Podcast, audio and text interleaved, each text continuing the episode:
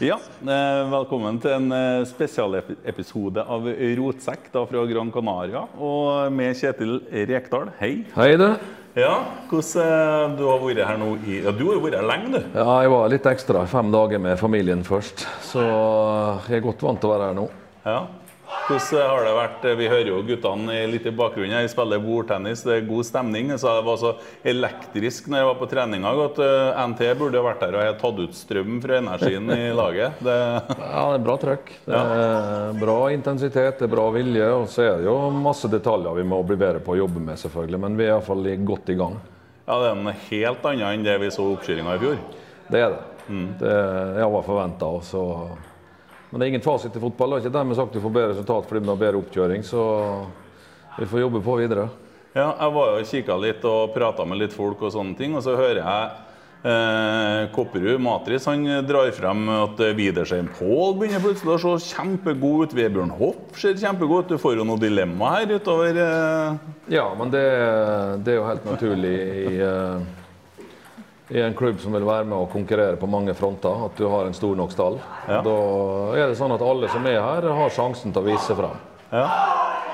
Eh, ja, og ser eh, nyvinninga, eller han eh, nyankomne Isak Thorvaldsson, ser jo steinbra ut.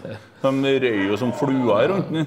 Ja, det er en eh, rimelig fysisk sterk spiller, så det er ikke så mange som har lyst til å gå i dueller med han, nei. Det er det ikke. Nei, altså jeg så jeg bare, så Vi står og prater litt, så kikker jeg opp, så ser jeg en som bare flyr bort igjennom, og så er det faktisk Sam Rogers som Ja, det er en bra kraftig plugg, han Isak. Så. Men det er jo ikke bare det. da, Han er, han er bra på mye annet. Han er bra til å skåre mål, og han er bra til å, å holde på ballen osv. Så, videre. så det er jo sånn når du bygger et lag eller en tropp, så må du ha litt forskjellige typer. Og han er jo en type som vi ikke hadde. Så han vil jo kunne gi oss en ekstra dimensjon på kraft. Ja, Kan han være eh, direkte erstatter for Kasper Tengstedt? Det kan skje. Det, det vet vi ikke ennå. Det er klart det er vanskelig å, å si at nå skal han spille som Kasper Tengstedt gjorde, eller en annen. Det, det er det jo ikke. Kasper var Kasper, så det blir jo litt annerledes. Men prinsippene våre er like. Så da må vi jo jobbe med å få andre til å gjøre mye av det Kasper gjorde, og så må vi fange det opp med et kollektivt løft som gjør at laget blir sterkere, selv om vi har mista kanskje din beste spiller. Ja, men Kasper hadde heller ikke vært Kasper uten laget i fjor. Det er viktig å påpeke det at, eh, at det var et lag som spilte Kasper god og hjalp han til å utvikle seg og hjalp han til å skåre mål og hjalp han til å sette han opp i, i gode posisjoner. Han hadde ikke klart det alene. Nei.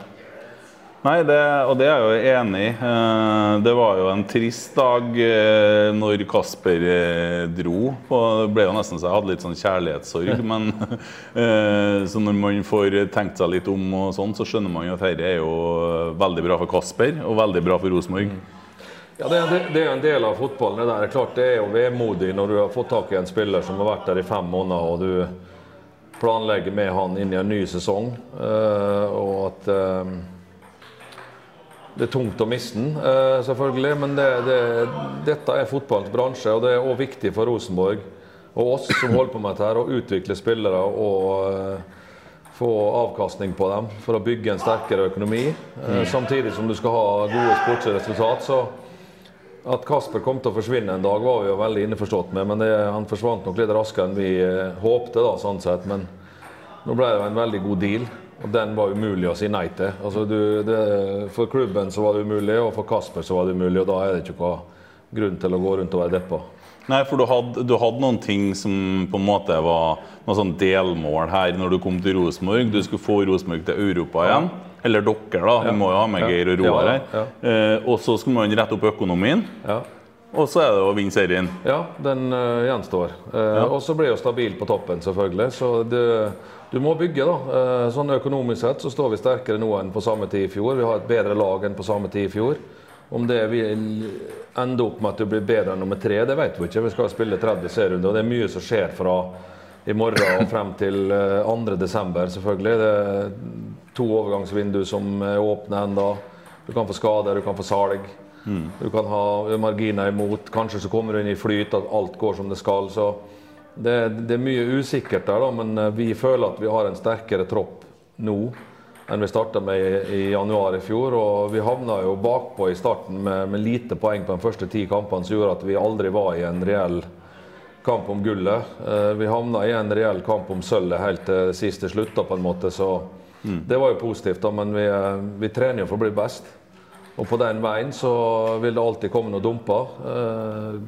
Og spillesalg er en del av, en del av policyen til klubben også. Og vi har mange gode spillere igjen i en fin alder, så det kan bli eh, artig å følge med oss. Og så kan det selvfølgelig bli flere gode salg. Det kan det bli. Eh, ja, og det jo, det spekuleres jo voldsomt da, i sosiale medier blant supporterne, og man begynner å komme opp med noe eh, navn og, og sånne ting på drømmesigneringer. Jeg har sagt at jeg tror hvis det nå kommer en type erstatter, eller at det blir handla inn spiss til, da, så tror jeg det kanskje blir litt mer sånn type usexy, for å kalle det det. Uh, Jeg vet ikke om du skal kalle det usexy, men det må være en, en spiller som er trenbar og som har potensial til å bli bedre. Det tror jeg er viktig. Og så er det jo unntaksvis da du kanskje henter en spiller som er litt oppi åra.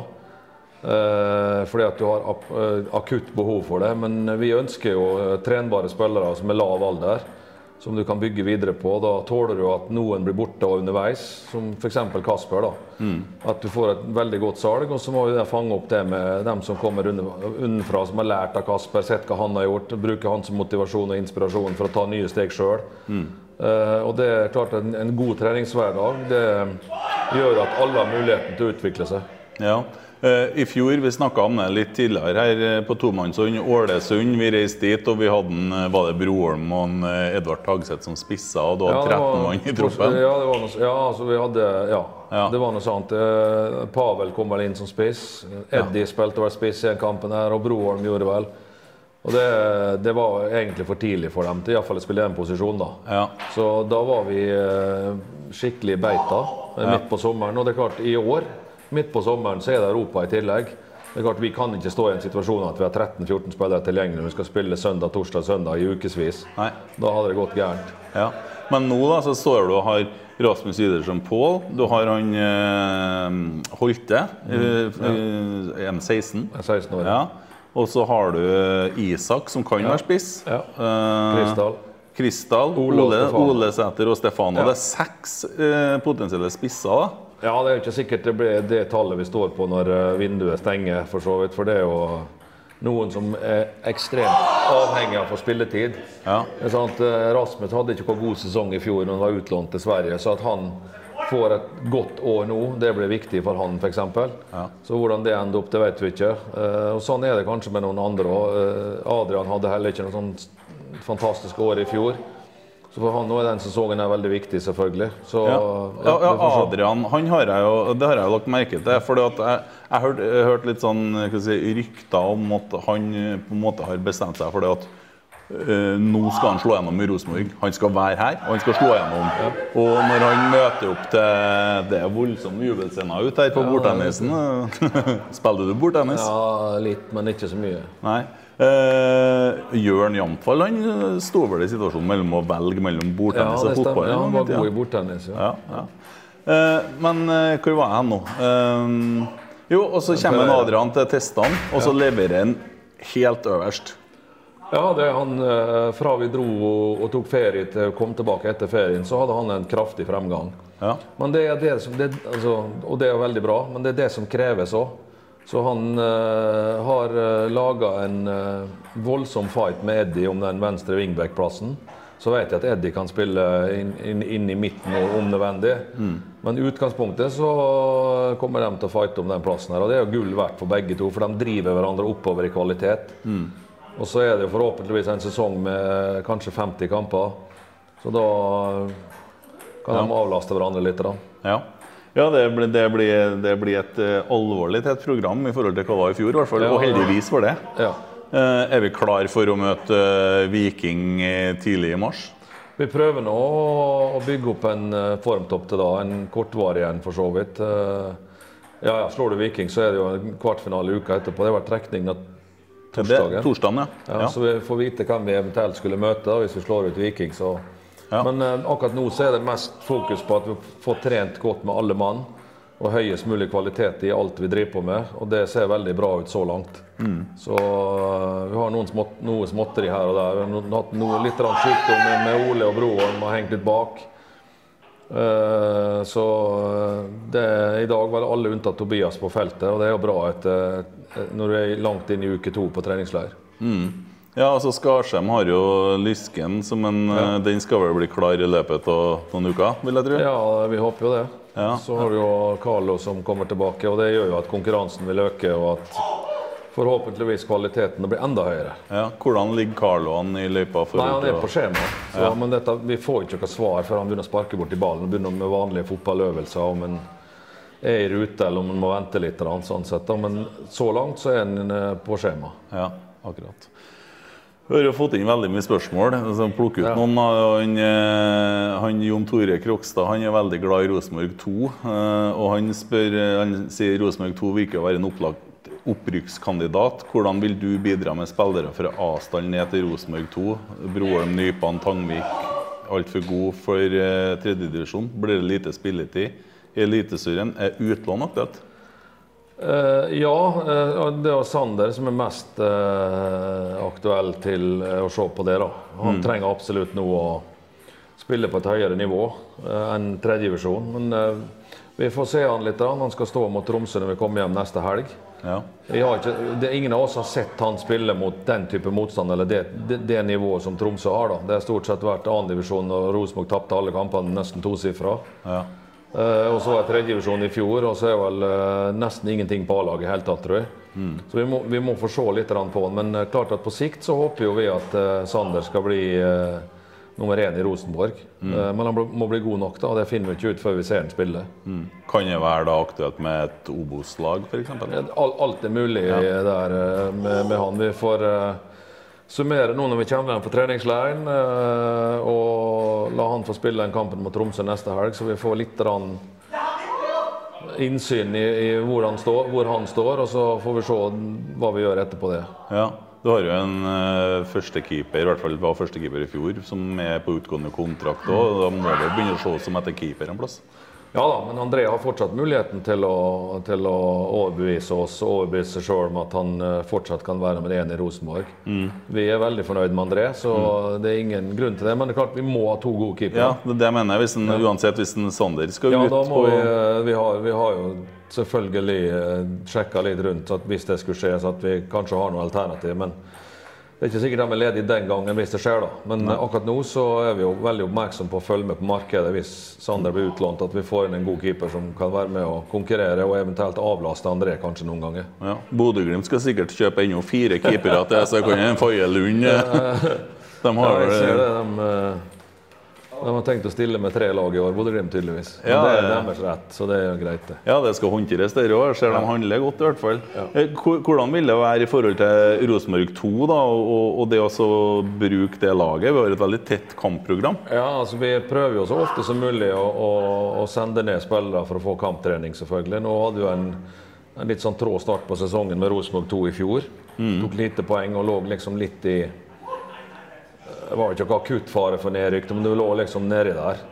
Og så hadde du en sterk høst. Og det, det har jo litt med utviklingen til unge, unge spillere å gjøre òg. Så det er klart det er jo viktig at vi eh, for det første har en, en, en kamparena for dem som får lite spilletid på A-laget, men også har en kamparena for de talentene som kommer opp fra SalMar.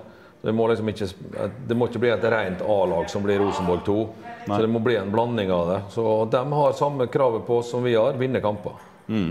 Ja, jeg så jo noen Rosenborg 2-kamper i fjor, og det var ikke alltid det var så vellykka med dem som kom ned Nei. fra A-lag heller. For det blir på en måte De trener jo med dem de trener med Rosenborg 2 òg, så kommer det inn kanskje litt for mange A-lagsspillere. Så blir det jo litt sånn Du får ikke den flyten. Det Ja, det kan skje, men det skal jo, eh, du skal kunne gå når du er en eliteseriestall. Hvis du går ned i tredje divisjon, skal du kunne dominere. Det er iallfall det vi forventer, vi trenere. At når vi sender en spiller ned til eh, andrelaget, så skal han være dominerende. Eh, ja. Andreas eh, sier du har tidligere uttalt at RBK har forbedringspotensial i frispillinga bakfra. Er det her noe dere trener på nå i vinter? Vi, ja, vi trener jo egentlig på alt, da, men eh, vi, vi, jeg har jo sagt det når vi nærma oss seriestart i fjor, for vi, vi, vi fikk ikke til så mye av det vi ønska, egentlig. Spesielt akkurat det med å frispille oss bakfra. Så vi la det egentlig bort. Og spilte litt på motstanderen i starten av sesongen for vi var litt skjør. Og det er klart Når sjøltilliten er på det laveste, så er det ikke lurt å fortsette å spille på seg problemer. Men etter hvert så tok vi det fram. Og det er klart, dette er jo en naturlig utvikling for å få et lag som skal være best til slutt. Det er at du håndterer alle spillets faser. og Det kan være frispilling, det kan være kontring, det kan være etablerte angrep lenger på motstanderens halvdel. Større prestisjon, større tempo. Ja. Uh, mye mer uh, effektiv samhandling. At reaksjonsevnen når ting skjer, at alle reagerer på samme raskest mulig. Så det, her er masse. Det, det, er jo fortsatt et uferdig lag i forhold til uh, hva vi starta med, da. men vi har tatt et, et løft. da. Mm. Det er mer, uh, mer kapabel til å, å, vinne kamper komfortabelt, mer kapabel til å kontrollere kamper, men ikke fullt ut. da. Og det er jo målet. Ja. At når vi går på banen, så skal vi være dominerende fra første spark på ballen til slutt. Molde vant serien med en haug med poeng, men de var ikke dominerende i hver eneste kamp. Langt ifra. Det var mange jevne kamper som Molde dro i land, og det vil komme i årets sesonger. Men å ha den evnen til å vinne selv når det butter litt imot, mm. eller at du må slite for seirene dine Den gangen ting flyter, så vinner du som oftest. Ja. Så, ser jo en, en største forskjellen på Molde året før og i fjor er jo at de slapp inn Ja. veldig mye mindre mål. Ja, ja. De jobba med Forsvaret. Ja. Og vi jo- jobber jo med begge deler, selvfølgelig. Så det, men det, det er jo litt annerledes da når det gjelder Rosenborg, for der forventningene er litt større. Ja. For Rosenborg forventes at du skal vinne, det er én, og så skal du underholde, og så skal det være artig å se på. Og det kravet ligger nødvendigvis ikke like hardt over på Molde, kanskje, eh, og mange andre klubber i Eliteserien, men Rosenborg har det. Så vi, vi- må balansere dette ut. Det er klart Vi kunne jo eh, blitt ekstremt gode til å forsvare oss og sluppet inn kanskje null mål i mange kamper, men da endte opp med å vinne 1-0 ofte. Og det krasja litt med identiteten og historien til Rosenborg, så vil, vi vil heller vinne 3-2 enn 1-0. Ja. Da- Men borte kan vi vinne 1-0. Ja, det kan vi gjøre, men uh, jeg tror nok det at uh, vi, vi må tilegne oss at vi spiller på samme måte hjemme og borte. Ja. Ja, det er jo utfordrende. og det er jo litt av det, Så hadde vi jo tatt avgjort uh, uavgjortene i fjor borte, så hadde vi vel uh, i hvert fall hatt sølvet. Ja. Det er nå ja. sånn som jeg ser det. Uh, og det er vel det tallene viser opp. Gaute Sandvik, har Geir, Geir blitt sendt på kartleserkurs? En del som Nei, Her er jeg så godt kjent at jeg trenger ikke kartleserhjelp fra han. Jeg har vært sikkert 15-16-17, kanskje opp mot 20 ganger på Gran Canaria. ja. Så her er jeg godt kjent, så her trenger ikke jeg. Det om å fortelle han hvor han skal kjøre hvis han skal ut og besøke noen. ja, Det var jo ikke så heldig, den kartleserturen vi så det, på. det er riktig. Han ville ha meg til å svinge til venstre midt inne i tunnelen, så det var vanskelig. Ja. Han var seint ute. Tore Johansen Dahl, Magnus Holte. Er det mulighet for spilletid i år? Absolutt. Det ser bra ut. Ja, han er 16 år, og det er klart det, hver dag for han er fin læring. Og fra første gangen vi så han spille tredjedivisjon til i dag, så har han utvikla seg ganske mye. Og det er veldig positivt. Så han har størrelsen, han har krafta, og han har evnen til å skåre mye mål på trening på A-laget allerede. Så vi forventer oss at han uh, tar nye steg, og at han uh, faktisk kan uh, få innhopp i år òg. Ja. Det er en til som har tatt noen voldsomme steg, som har vært 16 år. Sverre Nypan. Ja. ja, han har vært god her nede. Han var ikke like dominant på treninga i dag. Han og, han og Bjørlo har vært kanskje de to som har Pluss Markus, da, som har eh, liksom, ligget helt opp på øverste nivå hele tida. Men eh, i dag så var både Nypan og Bjørlo litt mer anonyme, men det er jo naturlig. Så Ja. Sverre er også 16 år, vi må ikke glemme det oppi alt dette her. Men han har en fantastisk fremtid foran seg hvis han klarer å holde seg skadefri. Og har en naturlig eh, fart i utviklingen i, i tida som kommer. Ja, så la jeg merke til han eh, nye Han eh, Vennenen.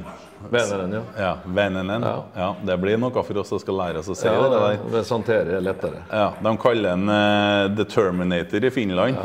Eh, og har sett en del klipp av en der det ser ikke ut som noen kommer seg forbi han. Og så snakker jeg med litt folk, og så vet vi at han har jo spilt på lag med Antony Annan. Han Han har jo Ja. gått litt i skole til Ja, Antony Annan. riktig, riktig. Og eh, det kan man saktens se på spillet òg. Ja, de det er med- hurtige pasningene med en gang. Og ja, En- 21 år. ja. Han har fin fremtid foran seg. og Når han blir vant til oss, så ser det veldig spennende ut. Han har også gjort det bra så langt. Ja, veldig bra. Eh, Det blir spennende, og han spår jeg kan bli en liten hit i Rosenborg. Og kanskje, Ja, så er det en den, det. ja, kanskje så er det den defensive brikken vi trenger som ligger og limer igjen foran Forsvaret. Det kan godt hende. Ja, jeg håper det. Uh, skal vi se, Andreas, eh, hva gir deg tro på at RBK blir mer stabil kommende sesong? Ja, Først og fremst så er den troppen her innkjørt. Uh, og så er de ett år eldre, mange av dem. Uh, jeg har jo sagt dette mange tusen ganger. altså Det å det er jo ikke nødvendigvis en ung alder å være 21 år, men det er en ung alder det med det å ta ansvar hver eneste uke. Eh, hvis du tar Carlo i fjor, da, som hadde en, en, en, veldig god vinter. Han hadde litt trøbbel i starten av sesongen, og så ble han bare bedre og bedre utover. Og det var første sesongen tror jeg på seniornivå han visste at han spiller. Mm. At han kunne fokusere på treningene, og når han kom til onsdag, torsdag, fredag, at han kunne begynne å tenke på kampen på søndagen. Før det så var han jo litt ut og inn av laget i, i Rosenborg, tror jeg. Nå har han tatt det steget at han, han er en etablert elverspiller. Og det er klart det gjør jo noe med han. Mm. Og sånn er det mange som ligger liksom helt i startgropa til å ta opp det steget. Edvard er en sånn en. Sam er en sånn en. Um, Tobias kanskje hadde en tøff periode fra, på slutten av Brønnby. Uh, kom til oss. Må bli, utvikle seg, må bli bedre. Uh, Adrian er en sånn en. Uh, Kasper var jo en sånn, han er jo 22 år. Mm. Altså, du har mange som på en måte uh, har måttet tilvenne seg det å etterleve forventningene som ligger i en klubb som Rosenborg. Du skal ut og prestere hver helg. Folk kommer for å se på det. Du skal vinne kampene. Og det å være en, en innbytt, altså inn og ut av laget-spiller, da, da har du ikke liksom samme samme trøkket på det som, som kanskje Markus har hver eneste uke, for han vet at han spiller. Mm. Så den tryggheten må jo være der, men også et visst press som gjør at du kan, eh, kan, utvikle det. Og når jeg sier at vi har et ungt lag, så er det ikke nødvendigvis ungt lag i fotballalder, men et ungt lag i det å ta ansvar og det å gå ut og være en, en elverspiller som vinner hver helg mm. og prestere det som, som forventes av et Rosenborg-lag. Og det kan ta litt tid. Mm. Og det, vi ser jo konturene at dette der går rette vei nå. Ja. Jeg ser jo det at det som følelsen som jeg sitter med når jeg er å overvære treninger og kamper og alt, det er jo at vi har blitt mye mer et lag. Ja. Det er et veldig lag nå, og det tror jeg kanskje kan være største styrken vår i 2023 mot dem som økonomisk kanskje har litt større muskler, men så har vi mye mer lag enn hva de har. Kanskje. Ja, dette går jo på kultur. da. Ja. Sånn at, du, at, at, du, blir sett, at du blir tatt vare på, at du blir pusha, at du blir coacha. Og at du, at du, føler at du har en mulighet til å, å få spille her. Mm. Og så er det jo interne regler som vi forholder oss til. Vi har jo krav til spillerne våre, samtidig som de har krav til støtteapparatet sitt. Mm. Hvordan vi skal pushe grensen, eller flytte grensen, eller kreve bedre prestasjoner. Eller få bedre prestasjoner ut av det. Så det er mye å, å Dette er jo den daglige jobben som er ekstremt viktig. Og, og vi tenker jo bare en, neste dag, neste dag, neste dag. Og så kommer kampen, så gjør vi den. Og så er det trening, evaluering. Og neste dag, og så kommer en ny kamp. Så vi prøver jo liksom å løfte nivået vårt da, kontinuerlig. Og det, det, skjer kun hvis du har en god hverdag. Mm. Ja, det er jo ikke noen tvil om at det er det. Eh, Andreas spør også hvor mye du og Geir har å si når det gjelder spillelogistikk.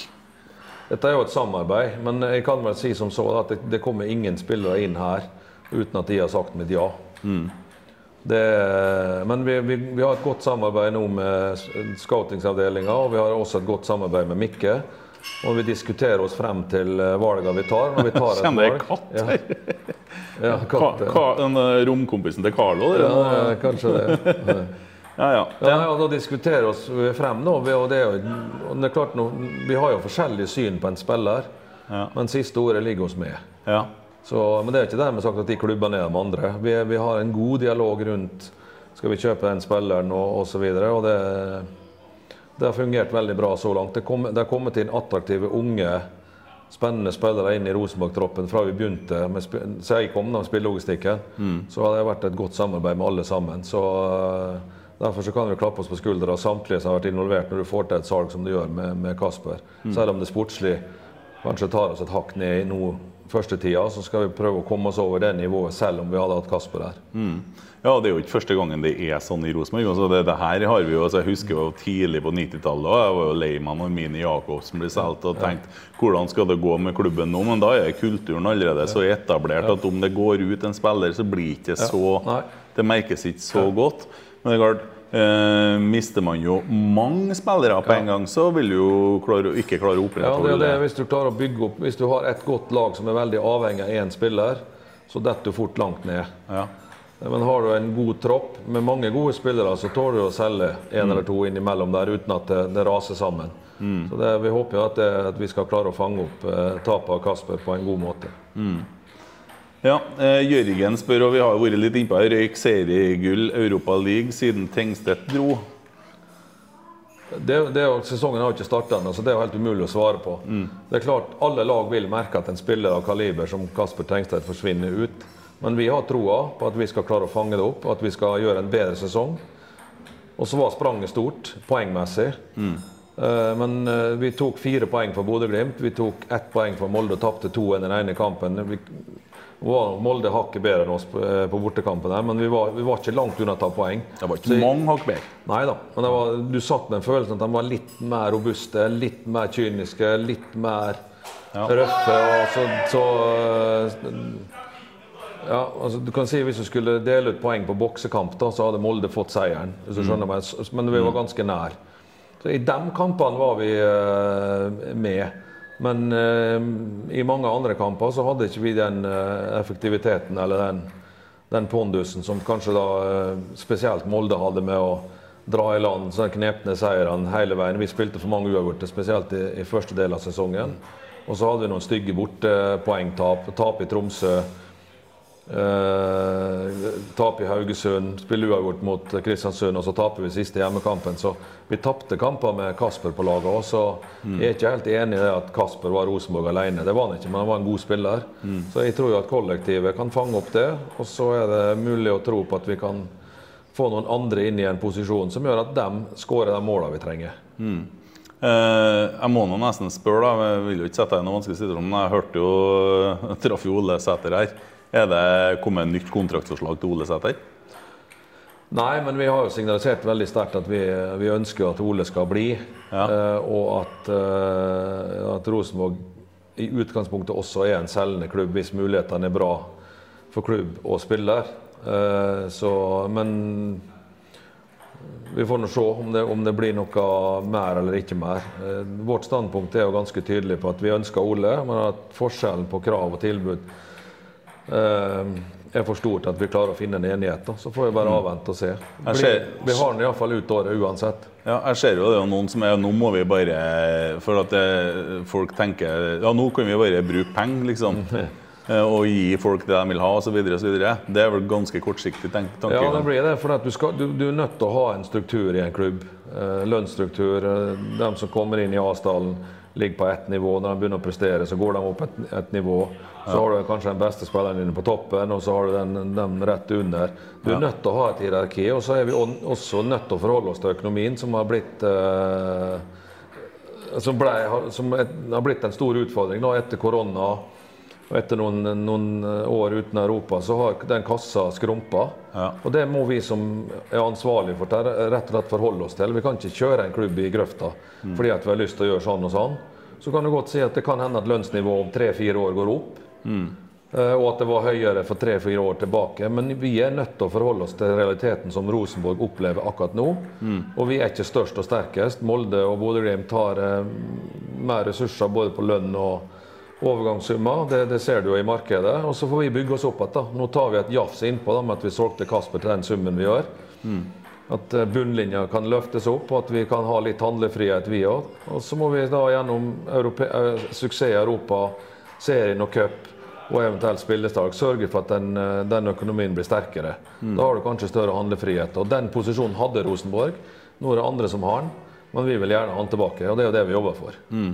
Og Det er jo litt kult å høre en treners idé, for jeg har jo, og jeg er klar over at trenere eh, bruker som regel å tenke veldig sånn kortsiktig, for de skal bare sørge for resultat, og resultat er alt som teller. Og man bryr seg ikke så mye om de tallene på økonomi. Men det virker som dere har på en måte den der, ansvaret for hele klubben. ja, du må, du må, jo stå inne for, uh, for saklig og fornuftig drift. Mm. Uh, og jeg synes Noen ganger skal det være greit å ha litt mindre penger. Du blir, har du masse penger, så blir du kanskje litt sløvere og tar litt større sjanser. Så blir det dyrt å bomme. Mm. Det er like dyrt å bomme nå, da, men du gjør en mer grundig jobb, vil jeg tro. Ja. Og så er det mer stas når du lykkes. da. Eh, altså, vi henta jo Kasper fra, egentlig fra dansk andredivisjon. Han hadde tre kamper i Superligaen. Mm. Da, men han var god i de tre kampene, så vi begynte å bli redd for at det ikke skulle gå. da, Så vi pusha ganske hardt på på slutten for å unngå at det skulle bli for mange konkurrenter rundt oss. Mm. Så vi fikk det jo til. Men det var for at vi hadde gjort en grundig jobb, og at vi hadde allerede overbevist Kasper om at Rosenborg var rette klubben å komme til. og det, det er jo samme vi gjør med Santeri, det er jo samme vi gjør med Isak, det er samme vi gjør med Krystal, det er samme vi gjør med Bjørlo, det er samme vi gjør med alle andre spillere. Ja. Og så vil prestasjonene og sånne ting da gjøre at de kanskje får mer eh, bonuser, får mer lønn. Jo sterkere og mer eh, vi har å rutte med, så det jo, skal jo det å forfalle tilbake, eller ikke forfalle, men falle tilbake på den prestasjonen som blir gjort. Og da er det lettere å dele når du har mer å dele med. Det er et godt signal, det òg. Altså, du sa til Kasper at den, det er lurt å gå til Rosenborg, og det tror jeg han er enig i nå. Eh, Det var han sikkert mens han var her òg, for det var jo helt tydelig, det ser vi på den innsiden-episoden òg, Ja. at han, eh, det var jo trist for han òg å dra. Ja, det er klart. Han hadde jo en, eh, en, en fin plass i garderoben og ble veldig godt tatt imot. Men det blir alle spillerne som kommer hit. Men det går igjen på kultur, da. Ja. At, du, at du føler deg velkommen. Og så er det jo konkurransekamp. da. Det er klart at Den beste spiller jo mest. ja. Men at alle føler at de har en sjanse å vise seg fram, da. det er ekstremt viktig. Og da er det, som vi sa, da, så lenge de er på treningsfeltet til Rosenborg, så er det like viktig den spilleren som eventuelt har vært på utlån, eller kanskje lenger bak i kø, at han nå blir behandla på en skikkelig måte. For det er jo en trygghet som alle fortjener. Uh, Trym Riise, ser du på broren som indreløper eller angrepsspiller, og sammen med Kristall? Begge deler, faktisk. De kan spille indreløper begge to, og de kan spille spiss begge to. Litt avhengig av hvordan du, du bruker. Men jeg er opptatt av å bruke styrkene til spilleren. Det er klart, Å bruke en, en Marius Broholm som tanksenter, eller sånt, det er jo ikke vits i. Men du kan bruke en Broholm som en svevende spiss rundt en stor sterken. For han benytter seg av den plassen som blir, og der er Broholm god.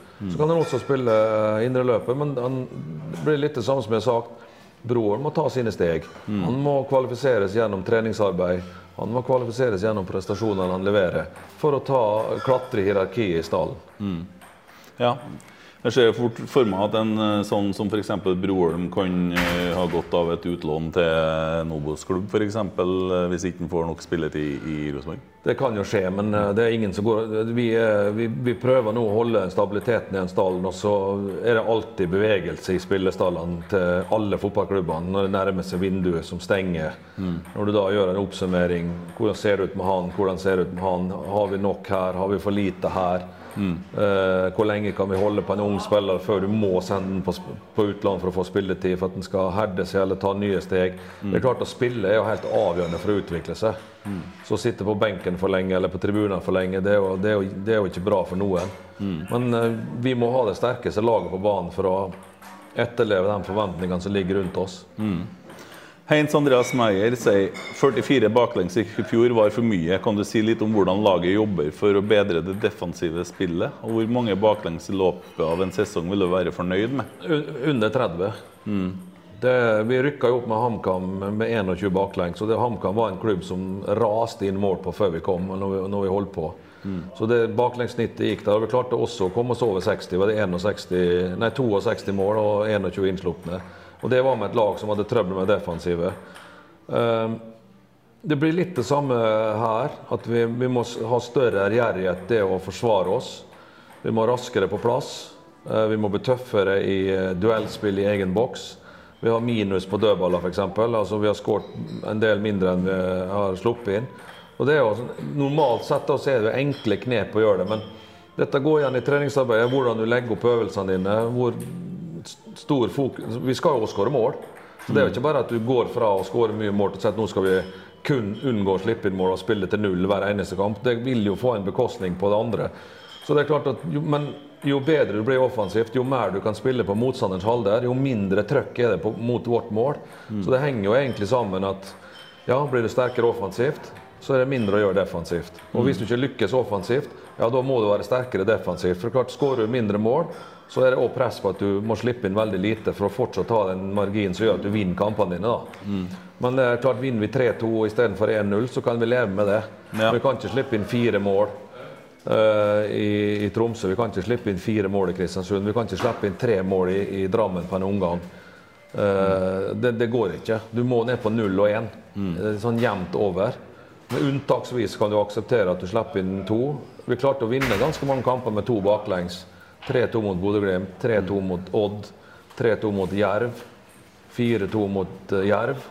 5-2 mot uh, Sandefjord. Ja. Klart, så du, Vi hadde jo fem seire med, med, to baklengs, men utgangspunktet er 0 og 1. Jeg husker jo det etter HamKam-kampen hjemme, for da var du litt pissed fordi ja. vi ble så trygt. Og de var bare, var bare ti mann òg. Ja.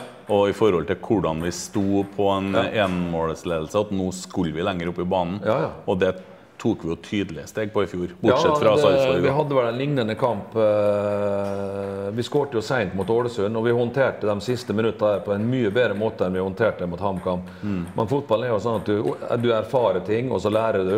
Og så mm. tar du med det til neste gang du havner i samme situasjon, så må du på en måte være innkjørt på at det er sånn vi skal gjøre det. Dette handler jo om samhandling. Mm. Så øh, vi har blitt mer voksne, men det, det er et stykke igjen.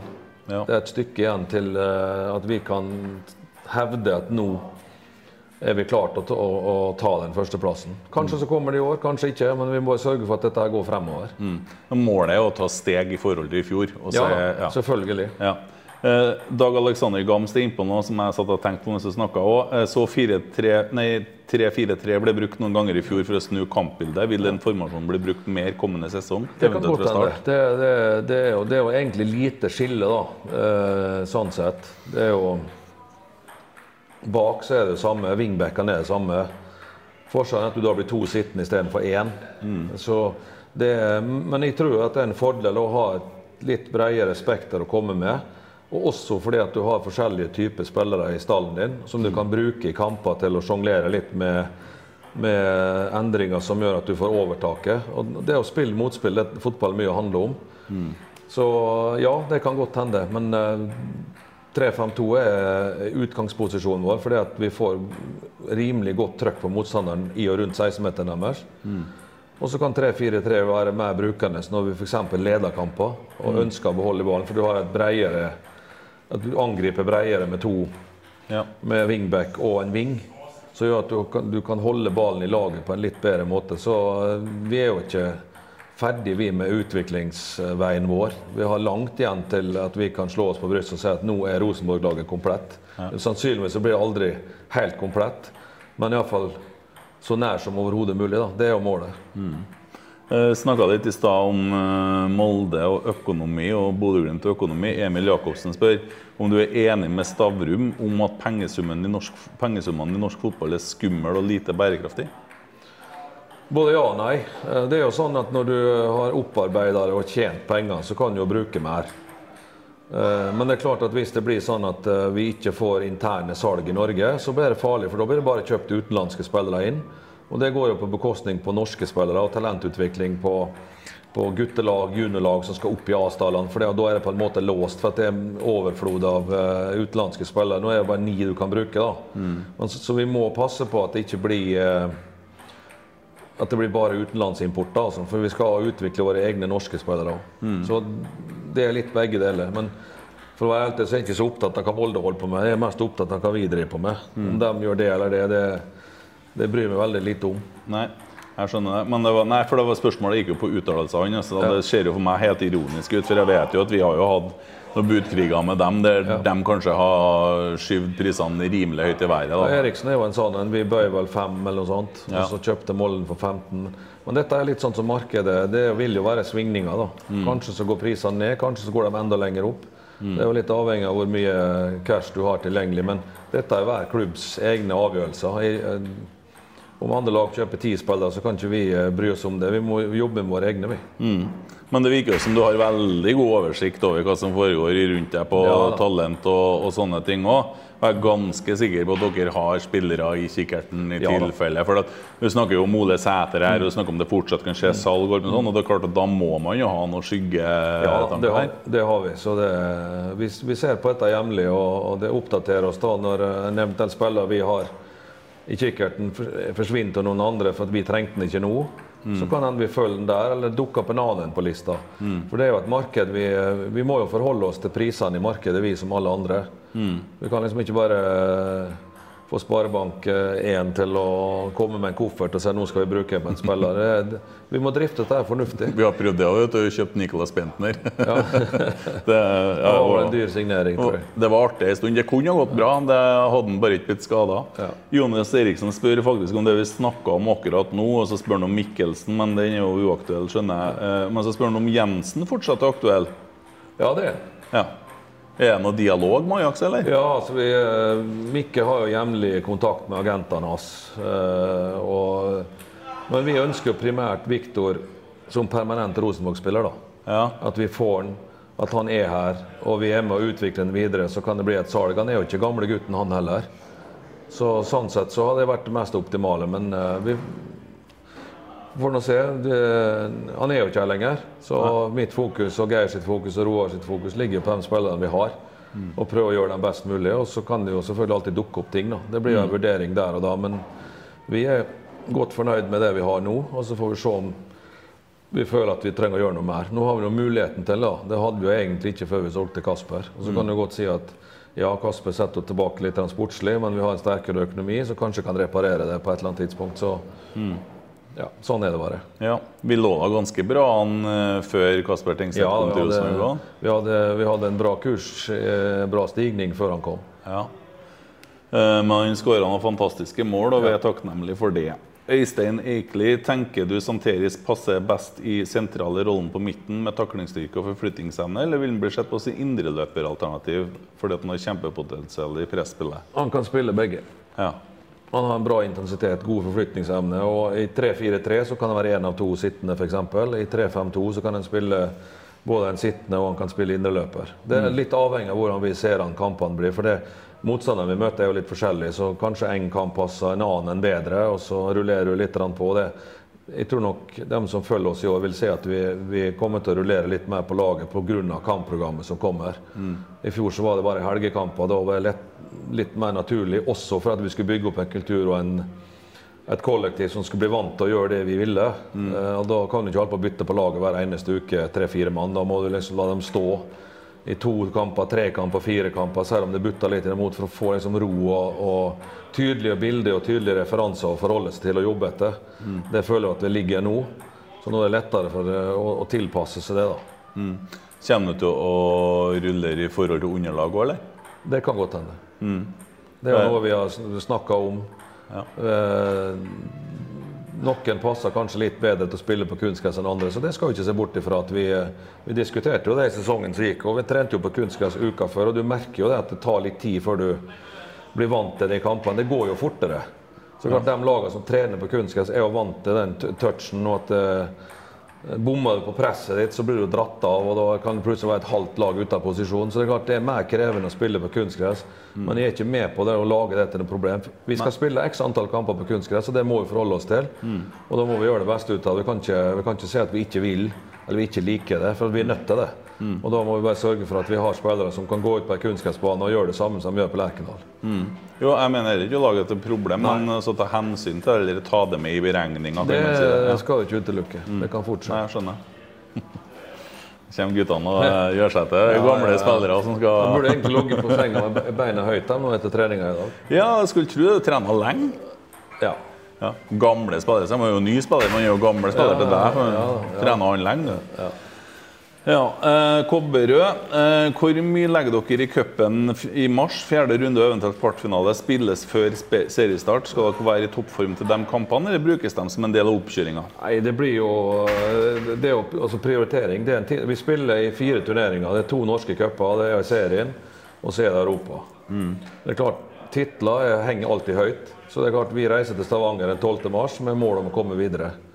Og så får vi se da hvor det står, hvordan troppens tilstand er når vi kommer dit. Det er ikke sånn, Jeg sa i stad at vi prøver kanskje å få til en litt sånn kunstig formtopp da, inn mot den kampen. Men vi driver ikke og tenker på den kampen i dag. Det gjør vi ikke. Nei. Eh, hvordan blir dere der? Hva kan jeg forvente meg å se fredag neste uke når vi spiller mot Tromsø på Koteng Arena? Vil det være sånn at du har byttet ti spillere? Ja, Liksom? ja det, jeg tror nok det at vi kommer til å bruke alle som kan spille kamp. At det blir store utskiftninger ved pause. ja. Så er resultatet er fullstendig ubetydelig i en sånn kamp, Nei, egentlig. altså, på, på sett og vis er det jo det, men egentlig ikke. Nei. Det er klart Vi forventer prestasjoner, forventer at det, at det spiller sånn som vi trener. Og at det innenfor den retningslinjen som vi vil spille. Vi sender ikke et lag på banen og sier 'gjør hva dere vil'. Nei. Det går jo ikke. Men at uh, vi, vi, vi pusher ikke en spiller et kvarter lenger for at vi skal redde et resultat. Det gjør vi ikke. Men at vi har fokus på prestasjonen, og selvfølgelig i bakkant av det et godt resultat. For det, det gir jo sjøltillit å vinne fotballkamper. vi vet jo hvor rustne vi var når vi sleit på vinteren i fjor. Ja. Eh, Ja, Det har vært veldig artig å få møte Raufoss i år òg. Ja, kanskje det. Nei, altså at eh, Ja, vi var jo spent når vi dro til, Bo, eh, Bodø. Vi var jo det. Ja. Men uh, vi traff bra på den, og da så du jo tryggheten og, og, og sånne ting kom inn i laget. Og sakte, men sikkert så gikk det på riktig vei igjen. Eh, Fredrik Enes, hva er det verste med Gran Canaria? Ja, det er å reise hjem, for det er så langt. Du gleder deg så fælt til å komme hit, for det er fint vær her nede. Og det er fantastisk å være her på treningsleir. Ja. Og så er det dritkjedelig å kjøre til flyplassen og så vite at du skal sitte i flyet i nesten seks timer. Ja. Den er tung når du skal hjem. Og så komme ut av flyet i Trondheim eller Oslo da, til minusgrader. Den, eh, jeg, jeg hadde en gang jeg var på ferie her, når jeg dro herfra, så var det 30 grader. Kom, eller 25. Mm. Landa på Gardermoen, så var det minus 20. Ja. Kom til Hamar, så var det minus 30. Ja. Og da altså 55 grader i forskjell på 6-7 timer. Det er det, du kjenner det på kroppen. Så det, det er liksom det kjedeligste, men ellers er det fantastisk her nede. ja. Enn selve flyginga, går det bra? Ja, det? går, det går bra, det. Ja. Det går bra. Jeg, var- jeg syns det er ekkelt å fly. Ja, det er jo Du, du, du, du sitter jo og kikker på klokka og Jeg er redd, jeg. Og de begynner å legge over, for jeg blir, stressa av rare lyder. Og... Ja, men det, Da flyr du sjeldent. Hvis Ja, du flyr det. ofte, så blir du vant til disse lydene der. Jo, men du er ikke så glad i å fly, du Nei, jeg er ikke det. Men jeg, jeg har jo registrert bestemte ting. Og jeg har jo et søskenbarn som er pilot i KLM, Ja. som har forklart meg en del ting. Så Hvis du er redd for turbulens, så sett deg lengst mulig frem i flyet, for det er mindre turbulens enn bak. For den går gjennom flyet. Ja. Så jeg prøver å sitte så langt som mulig fremme, da. Så jeg har så flyskrekk, at har jeg vært fugl, så jeg foretrekker å gått. Ja, det, det, nei, jeg, skjønner det. Altså, det er jo litt sånn klaustrofobi, er trangt. eh, Du har ingen plass å gjøre av det. Sånn, du kan liksom ikke få gå i midtgangen frem og tilbake heller. Da. Så, men jeg har med meg kortstokk, da, så jeg bruker å legge kabal. Ja, ja. Hvordan kabal legger du da? Nei, det er pokerkabal, og det er en, eh, den 13-kabalen som heter. Du skal Ja, ja. komme opp i 13, og så er det også der du skal få lagt ut uh, annenhver farge. Konge med svart, rød dame, Ja. svartknekt, og så sånn, og så få lagt ut S-en. Så. Ja. Eh, alt mulig jeg finner jo på. Og så har jeg jo sånn noe eh, boblespill på telefonen, så jeg får tida til å gå. Eller Ja, ja. kan koble opp PC-en og så se på noen gamle klipp. eller et eller annet, så Tida går jo, men det er seks timer. eh, Det, det er mye for meg, meg å sitte i ro. Altså. Ja. Her til Oslo er det litt mindre. da, Fem og en halv eller 5-15 kanskje. ja, men du holder på å bli trønder, du. Det er seks timer. Ja, ja, det er det. det, er det. Eh, tenkte jeg på når du dømte i dag òg, for noen sa dommeren er fra Molde. Så. Han, han er faktisk det. så. Nesten, Ja. Geir fikk mer kjeft enn meg. Ja. uh, Øystein Eikli, stemmer det at Rogers er tatt ut på landslaget? Uh, Noe skal dette vises. Uh, det skal vises uh, om noen timer. Ja, da, må- da kan ikke svare på det. Ja, nei. Der fikk vi svaret.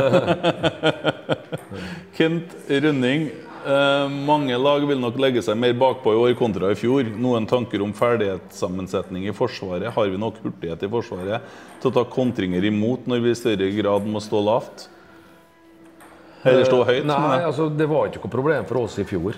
Nei. Jeg tror det var Men tror ikke det når vi spiller på Lerkendal nå at de legger seg lavere, for nå vet de at det det, det skal ikke være noe problem. Det, det, det var jo mange lag som lå lavt eh, mot oss i fjor. og eh, HamKam gjorde det jo, Ålesund gjorde det jo, Ja. Tromsø gjorde det jo, eh, Sandefjord gjorde det jo. Så det skal ikke ha noen betydning. Men hvis vi går gjennom sesongen i fjor, da, så var det vel to eh, han, Tobias Heins skårte på ball i bakrom. ja. Og så skårte, hadde han en sjanse til i andre omgang. Ja. Uh, Jævlig god spiller, egentlig. ja da, men Det, det var veldig sjeldent at motstanderen kom alene med keeperen vår eh, gjennom sesongen. Så vi hadde bra balanse, og vi hadde god, uh, vi har Markus bak der som er veldig god til å posisjonere seg. at uh, de løpedalene han får, han går ut mot sidene og ikke inn mot, eller bak, rett mot vårt mål. Så hadde, ja, Sandefjord hadde noen kontringer på oss der de kom litt farlig til. Men Ja, så hadde du lite. merkelige Kristiansund, der de gikk bare rett gjennom alle Ja, sammen. Men da, lå, da hadde vi jo Ja, ja. masse, masse folk bak. Det er helt merkelig. Ja, det var åpent der. Ja, det, det, Men fotballen er, den er ikke logisk. Nei. Så det Den består jo av mye feil. Så det, mm. Av og til så handler det om å gjøre minst mulig feil òg. Soliditet. Så Ja. jeg er ikke redd for at vi, skal, at vi skal plutselig begynne å slippe inn mye kontringsmål, nei. Nei. Det er større problem at du slapp inn mye mål når vi var etablert. Ja. Det er større bekymring på det, så det har vi adressert og gått gjennom på video med, med spillerne. Vi jobber jo med det på treningsfeltet. Det er mye vanskeligere å skåre mål på treningsfeltet nå enn det var i høst. Jeg så. Det var jo bra tett i dag. Ja, Eh, Vant vel 11 mot 11 på et straffespark til slutt. ja det ble det. Ja. Ola i Årdal, hvordan er en vanlig dag på treningsleir? Nei, det er frokost. Eh, og så er det gjennomgang om alt det som planlagt fra kvelden før. Om alle som skulle trene, kan trene. Og så gjennomfører vi jo treningsøkta sånn som skal. Og så kan jo skje ting der at kanskje en må gå av eller et eller annet sånt. ting. Og så kommer vi tilbake til lunsj, og så er det vel styrketrening eller eh, sirkeltrening som vi òg har noen gang, sånn som i dag. Tok det i etterkant av treninga, så tar ettermiddagen fri. Og så er det jo nye møter med video, eh, spillersamtaler, eh, med møter medisinsk, og så er det kveldsmat, eller middag, og så er det noen timer som kanskje folk har fri, og så er det kveldsmat, og så er det til sengs. Så det er mer enn nok å, å, å gjøre. Og så er jo ikke alle dagene like, da, selvfølgelig. Nei. Vi har jo hatt eh, to fridager her nede. En den fjerde dagen og den niende dagen, vel.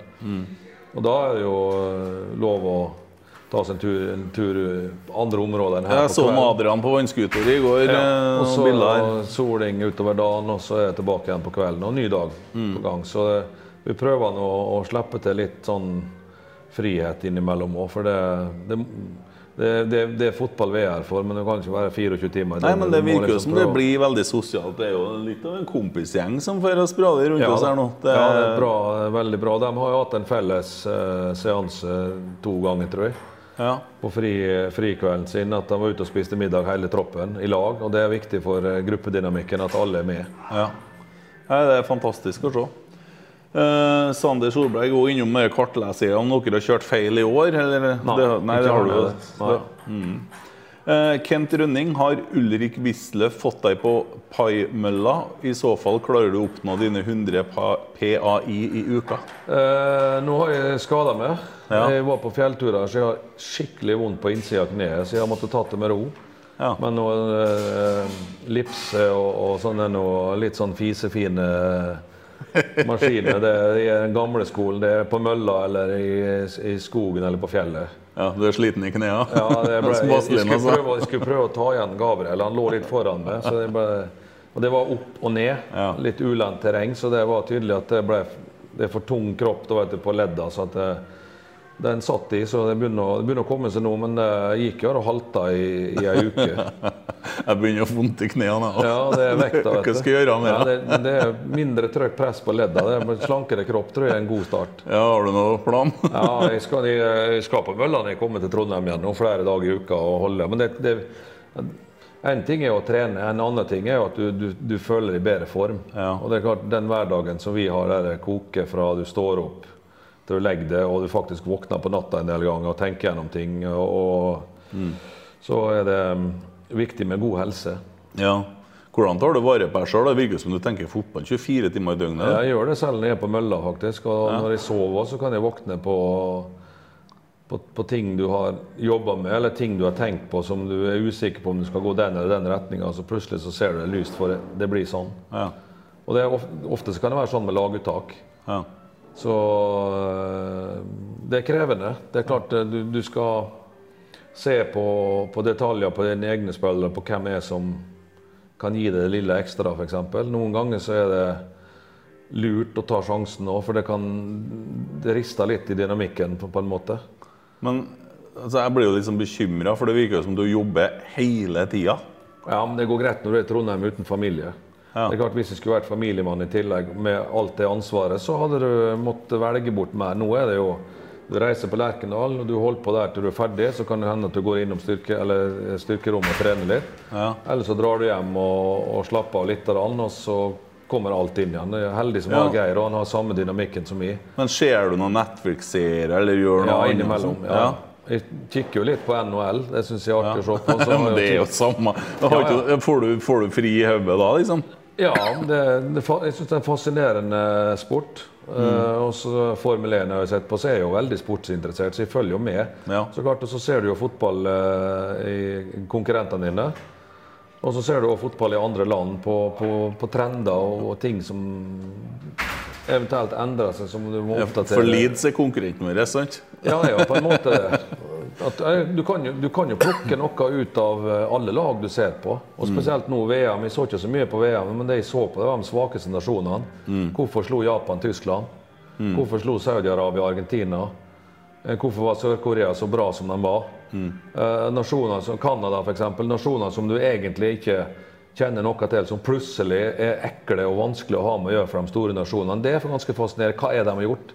Og så faller jo veldig ofte ned på intensitet. Da. Enorm løpskraft. Og selvfølgelig og, og spillere som er gode én mot én. Så du ser jo at fotballen er, det er en, en eksplosiv sport blitt. Det det er ikke mye stillstand. Snakka om det i fjor, at når vi tok over laget, så var det liksom Vi tok over, når, når dere tok over. Og, så, og så øker man da til et eh, sånn, sånn nivå. Eh, nå er man jo på et av nivå som er atskillig høyere enn hva man når man begynte i fjor. Skal man løfte? Klarer man å løfte? Ja, det, er ingen, det er ingen ende på det, Nei? men du må tåle det. Så Ja. vi ligger jo helt på grensa på, på hvor mye vi tåler. Ja. Så det er klart, går vi over, så er det farlig. Men ligger vi for lavt, så er det like farlig, det. Ja. Så vi må liksom finne grenser. Så, dette er et godt sammenspill med medisinske apparatet, selvfølgelig, og, Mm. og spillerne sjøl. At du må si ifra når når, du, når det begynner å tippe over, at du får et lite breik. Mm. Det er klart, for det, det er jo ikke sånn at Eh, alle kan spille alle kamper 90 minutter. Du er jo en tropp, og alle har et felles eh, budskap eller et ansvar for å bli best mulig. Og du må også kunne si fra at nå, er- nå, nå, nå må jeg nå kjenner jeg noe på baksida av låret, istedenfor at du drar det på det og så kjører en dag til, og så er det seks uker ute. Ja. Så det er jo en tillit til hverandre vi må ha, samtidig som vi må pushe. da. Ja. Så må de absorbere det, men de må også kunne evne å si fra at nå, nå klarer jeg ikke mer. Nå må jeg liksom få restituert meg skikkelig for å ta et nytt steg igjen. da. Men så intensitet, antall spurter er jo helt avgjørende. ja. Apropos Formel 1, jeg har jo måttet skifte lag nå, for jeg har jo kjøpt meg Mercedes. Ja, det er riktig. Det er, riktig. Det Så er bra. jeg fikk meg jo sånn caps som du har, den skal du Ja, få til meg. For jeg Ja, ser ja, ut som Marve Fleksnes når jeg har på meg caps. Den har jeg liggende hjemme, jeg glemte å ta den med. Du skulle få den nå, egentlig. Ja, Det blir en spennende sesong igjen. Det, Ja, nei, vi Mercedes vi må jo følge med litt. Så, nei, Det ble en GLE, vet du, og det er jeg veldig fornøyd med. Det, det tror jeg er det beste bildet jeg ja, har hatt. ja, ja, det ser du. Det er litt reklame for Mercedes òg. Ja. Eh, Remi Sjøbakk, er det noen du tror kommer til å forsvinne før sesongen? ja. Dumt kanskje å navngi noen, men eh, Det er nær, altså, det er jo nærliggende å tro at, at Rasmus eh, og Vebjørn, som var på utlandet i fjor, eh, kanskje føler at eh, det er riktig å gjøre noe. Men det er ikke sånn at vi står og sparker dem ut døra. Det er det ikke. Nei, Vebjørn så jævlig god ut. Ja, Vebjørn har vært bra. Så ja. Rasmus som jeg sa i sted, han er bedre, han er bedre nå enn han var på samme tid i fjor. Ja, Men spilletid er jo viktig. ja, Oppi det her, at du, altså, Å ha for stor stall er heller ikke sunt. For da blir det folk som blir gående på tørt, altså på, på gress. Og det, men så må du passe på at den ikke blir for liten òg, at belastninga blir for stor. Da. Og dette er jo ekstremt vanskelig å justere hele tida. I fjor var det enklere i utgangspunktet, for vi hadde kun kamper i helgen. Ja. Men det var kritisk på sommeren likevel. Ja. Så det må vi passe oss på. for det er klart at eh, en, Hvis du skal vinne noe eller være med i toppen, så har du ikke råd til å ha en periode på fem-seks kamper der du ikke kan stille et skikkelig lag. Nei. Da taper du, no, taper du så mye poeng. Og, og når Molde vinner serien med 78 poeng, det gjør de ikke i år. Jeg tror seriemesteren blir på 65-66. Han skal i hvert fall ikke være gul. Eh, nei, nei, altså så Det ser ut som kanskje- de, de kanskje må vinne serien så mye penger som de har brukt nå. Så de, det, det må jo være det at de tenker at de skal i ja, de Champions League. de går all in. Ja, ja, de Ja. går all in for det. Det går ikke an annet. Nei, ja, har det, ikke sett noe lignende. Nei, det er ikke tvil om, men de, de er i posisjon til å gjøre det òg. Ja. Så, men det er klart det kan mislykkes, og da har du lite fotfeste. Ja. Så, men igjen, da. eh, Det er ingen som håper dere mislykkes så mye som jeg gjør. Nei, altså det er klart du er jo Eh, Du er jo Rosenborger fra, fra tidlig av. Jeg har jo kommet til nå, så jeg jeg er jo på samme øya. det er klart Jeg unner jo ikke noen andre suksess enn oss sjøl. Og du respekterer det, men du går ikke og, og ja, Du respekterer og anerkjenner at andre er gode, men du vil dit sjøl.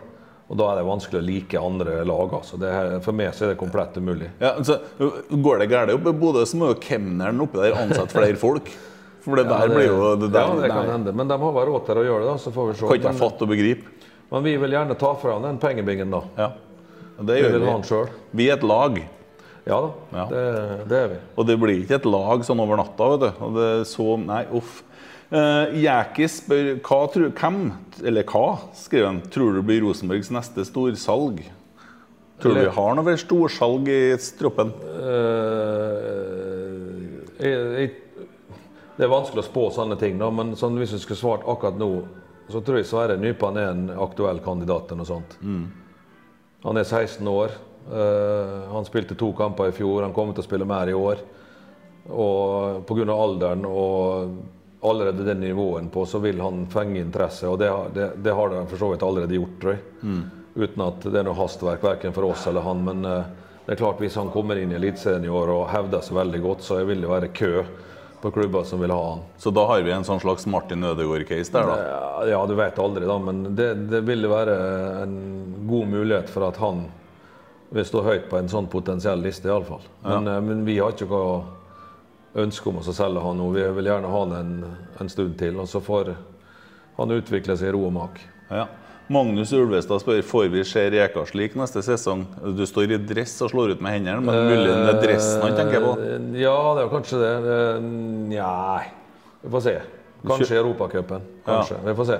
Ellers kjører du Ja, boblejakke à la Nils Arne Eggen, du. Ja, det er jo, det er jo på jobb. Arbeids, ja. Det er jo arbeidsantrekket ditt, så Men eh, det, det Kanskje en cupfinale. Vi får se. Ja. ja. Det blir det. Ja, vi har to sjanser, så vi håper at vi skal kanskje, Vi har minst én av dem, for å si det sånn. Vi vil gjerne to. Ja.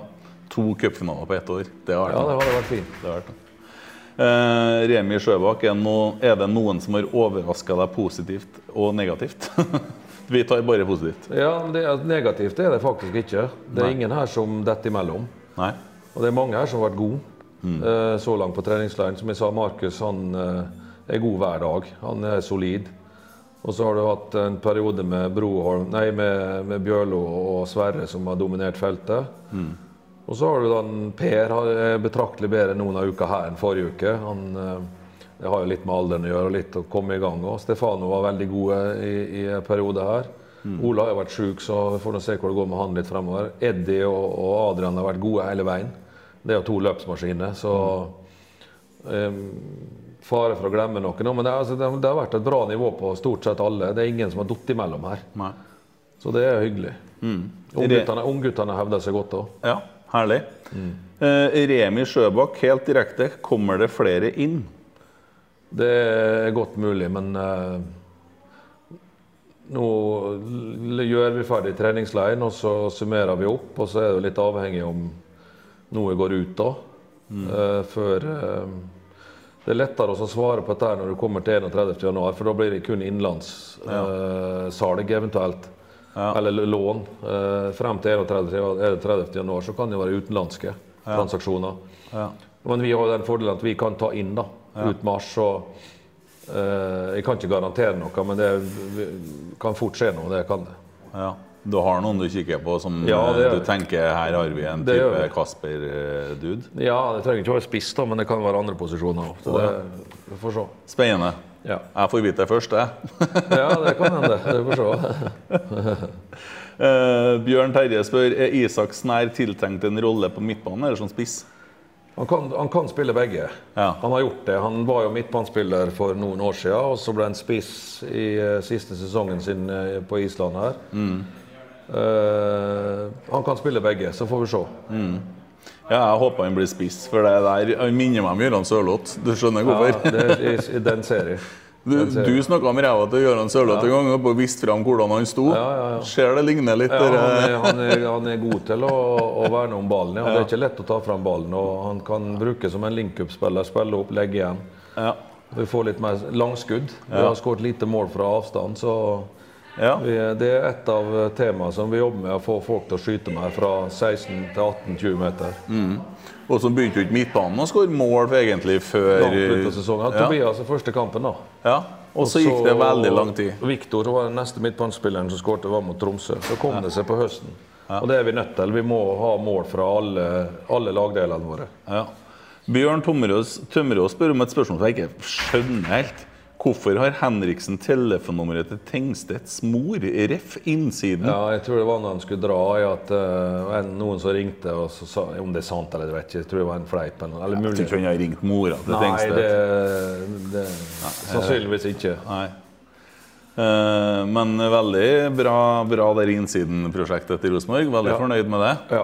Dere stiller opp. Du hadde mikrofon på deg her i Ja, forrige stemmer- episode. Stemmer det. Og da klarer du å si til en Geir Ålesund de eh, bydde mer for dem enn hva vi gjorde. Ja, de gjorde det. Så, ja, det var, du visste at det kom ut? Ja, ja, Ja. jeg- men det er sant òg, det. Nei, Ja. men det er- vi, altså, Det kan jo hende at uh, skal, Det er jo kanskje Bjørå litt uheldig. da. Vi hadde kanskje hatt litt mer å gå på Ja. i dag Ja. enn når han fikk det tilbudet og skrev under den kontrakten. Ja. Men uh, sånn som han har starta her, så uh, tipper jeg at det ordner seg med frem i tid. Han har vært god. Ja, ja for, for, men det, da er det relasjonen til deg og da, som avgjør egentlig at han vil til Rosenborg?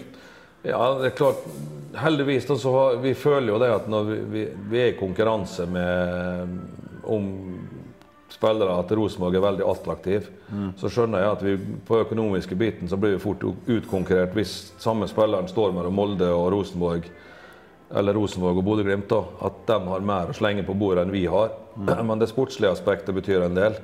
Og det er klart når eh, Historien til Rosenborg er jo veldig eh, kjent for spillere som kommer og utvikler seg godt ut. Og et godt miljø. Eh, og eh, spiller på gress. Så vi har jo noen for, fordeler enda da. Så får vi prøve å gjøre at økonomien ikke er noe eh, konkurransefortrinn for de andre lenger. Men vi skal drive til sunt, da. Det, det, det er viktig å påpeke det òg. Godt å høre. Remi Sjøbakk, hvordan har formen til spillerne vært etter de har kommet tilbake fra ferie? Veldig bra. Ja, ja det, det, det tviler ikke jeg på. Nei. Så har du Jonas Aune Sunde. Han kjenner jeg godt. Ja. Ja. Eh, Siden du skal være hovedtrener i RBK de neste 15 årene, hvorfor ikke bare ta med familien oppover permanent? Det er fortsatt ikke for seint å bli trønder. Nei, det, er- det er litt komplisert, dette her, for de har jo sitt eh, daglige eh, innkjørte. Sånn, Gabriel spiller for HamKam. Eh, Mikael og vennene sine skal inn i videregående. Fruen driver med forbundet. Eh, driver faktisk litt i politikken på, i nær, nærmiljøet. Eh, foreldre som bor der. Vi, vi, men altså, det, var, hvis du visste at du var i Trondheim fem år, da, så hadde det vært enklere. Men det vet du jo ikke. Ikke sant? At du var bom, bombastisk på at du, er, du flytta opp, du er der i fem år, og så kan det bli lenger. Men da, den perioden er det. Men i fotballen så er dette vanskelig. Du kan jo tenke hvor det hadde blitt hvis jeg hadde tatt dem med til Kristiansand. Og, og med start og det som skjedde der, og skulle rive dem ut en ny skole og alt dette greia der. Ja, ja, så det er ekstremt vanskelig. Også, Men jeg tror da, iallfall så langt, så er det en fordel for både meg og Geir at ikke vi har familien og alle de oppdragene der som vi må gjøre i løpet av døgnet, over oss i tillegg. For det er så mye jobb som vi holder på med. At skal vi få, til dette her, så trenger vi de 24 timene kun til Rosenborg, og så får de komme ei uke her og der. Det, er, det er faktisk så krevende. For det at um, vi vil til topps. Ja. Og skal vi få komme til topps, så, må vi legge oss, med, legge oss til at vi må ofre hud og hår for å komme dit. Fikk med hva Ivar Koteng sa i podkasten vår når han var der. Han, vi spurte han, han har jo vært styreleder i Rosenborg i ti år. Hva er det du er mest fornøyd med med de ti årene? Det er at jeg ansatte Kjetil og Geir. Sånn. Ja, det er hyggelig å høre. Ja, det er, det er litt litt, av å, en litt å bevise fremover, da, men vi er på rett vei iallfall. Ja, den den og så- nedadgående kurven er der. Ja, Og så jeg merker, altså, så er jo selvfølgelig Det er jo folk som er fornøyd, og så er det folk som er misfornøyd. det fins alltid sin Even Viken. Ja, det gjør det sikkert. Det er sikkert flere av dem òg, selvfølgelig. Men at det, det er klart vi kom til Trondheim med, en, med noe nytt, da. Ja. Og så, så går året her nå. Mm. Vi vet jo ikke hvordan det går, men det ser veldig lovende ut. Eh, og da er det ett år igjen av kontrakten deres. Det vil si at på slutten av året her så må man begynne å snakke om eventuelt reforhandle den kontrakten ikke er vanlig. La oss, altså, altså, for meg så er det, det som er viktig for meg, da, det er at de har kraft og energi til å utøve den jobben som forventes. Mm. Og da går ikke jeg tenke på om jeg har ett år igjen, eller to år igjen, eller fire måneder igjen, eller tre år igjen. Altså, det er helt u... men så- eh, så journalistene vil jo begynne å spørre deg nå i det, november. det, det, det kan de gjøre, men altså, for meg så er det viktigst at de har den poweren, og det at Geir har den poweren, og at, Uh, ja, at vi kan drive dette fremover. For Hvis du visste det du vet i dag, og det hadde vært november nå, hadde du signert for tre nye år nå? Det kan godt hende. Ja. Men det, du vet jo ikke det. Jeg vil bare ha ja, jeg. Ja, ja, du, ja. Ja, ja. det skjønner jeg. Men, eh, men eh, eh, altså, for min del, hvis jeg skal si det, tar, for min egen del så tar jeg én dag av gangen. Men for klubben så jobber du i et lengre perspektiv. Du skal jo etterlate deg noe den dagen du eventuelt reiser, eller bygge opp noe som ligger der, mm. som, som er også innafor.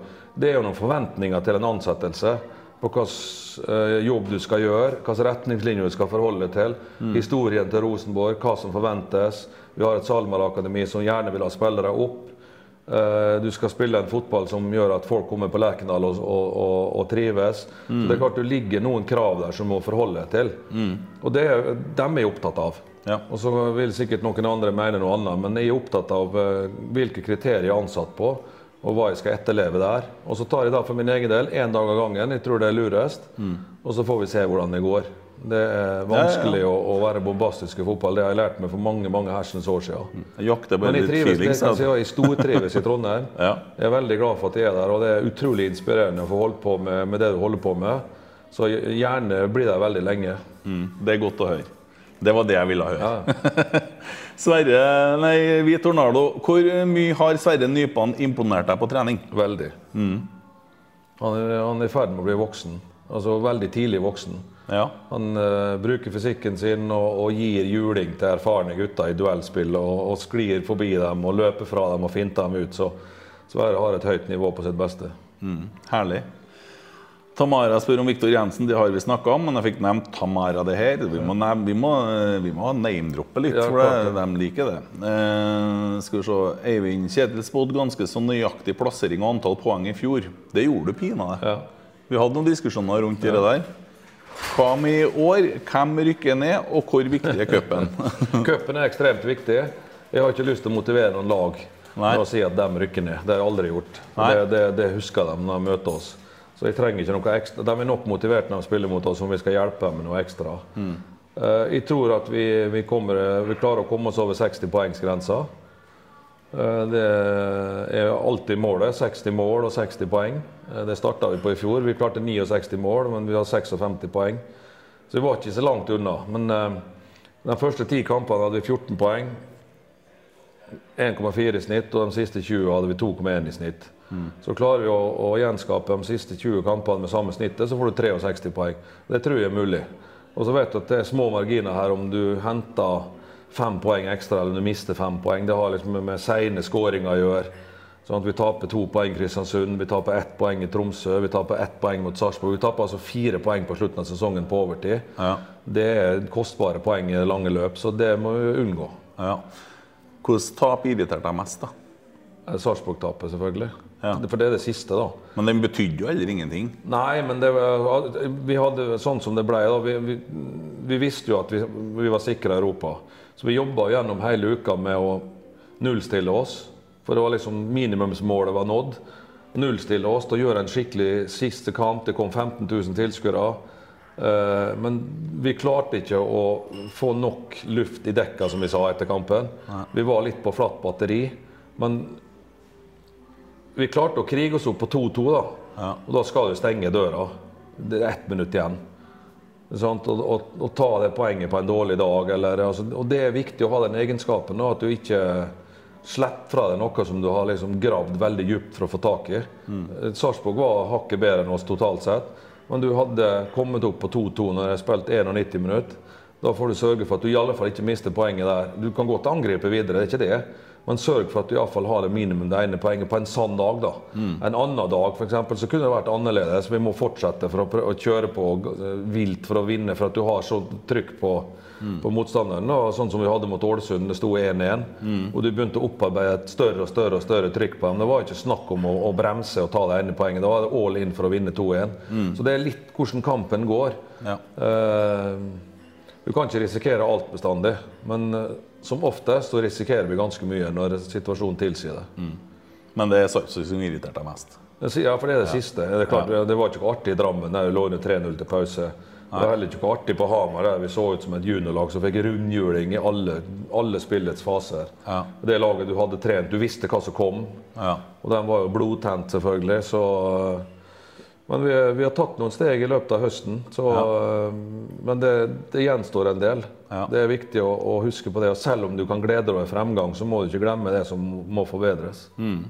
Børge Stiklestad, største forskjellen på gutta per dags dato VS for et år siden?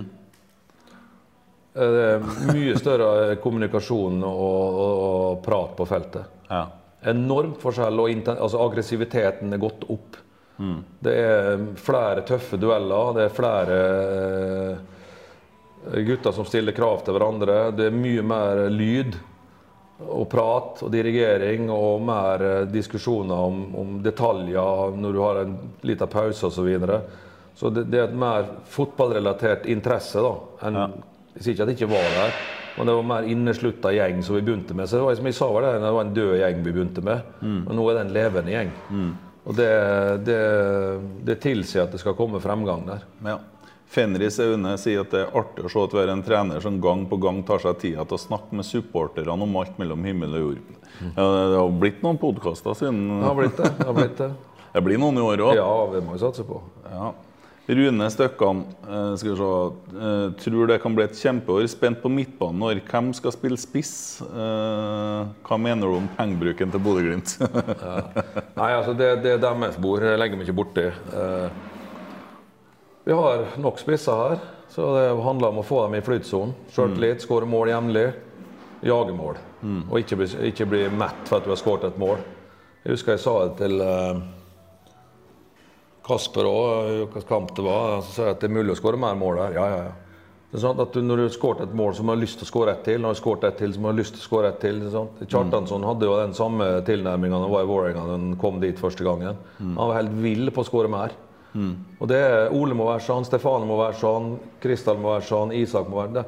Altså, De må jage mål og ha, lyst til å skåre mål. Har du skåret ett, ja, da er det i banken, men du må ha like lyst til å skåre ett. Egentlig enda mer lyst til å skåre ett til. For Det er det som gir utslaget her. Så Det er jo den drivkrafta du må ha, at du vil fremover uansett hvor du står hen. da. Ja, eh, du har jo en eh, spiss som melder litt i øst og vest i media, og som holder på litt sånne ting. Har dere eh, snakka noe med han om det? Altså, Ja, det er klart vi gjør det. Vi prater med, med Ole jevnlig, vi. Ikke? Så som jeg sa, han, han har kontrakt ut året.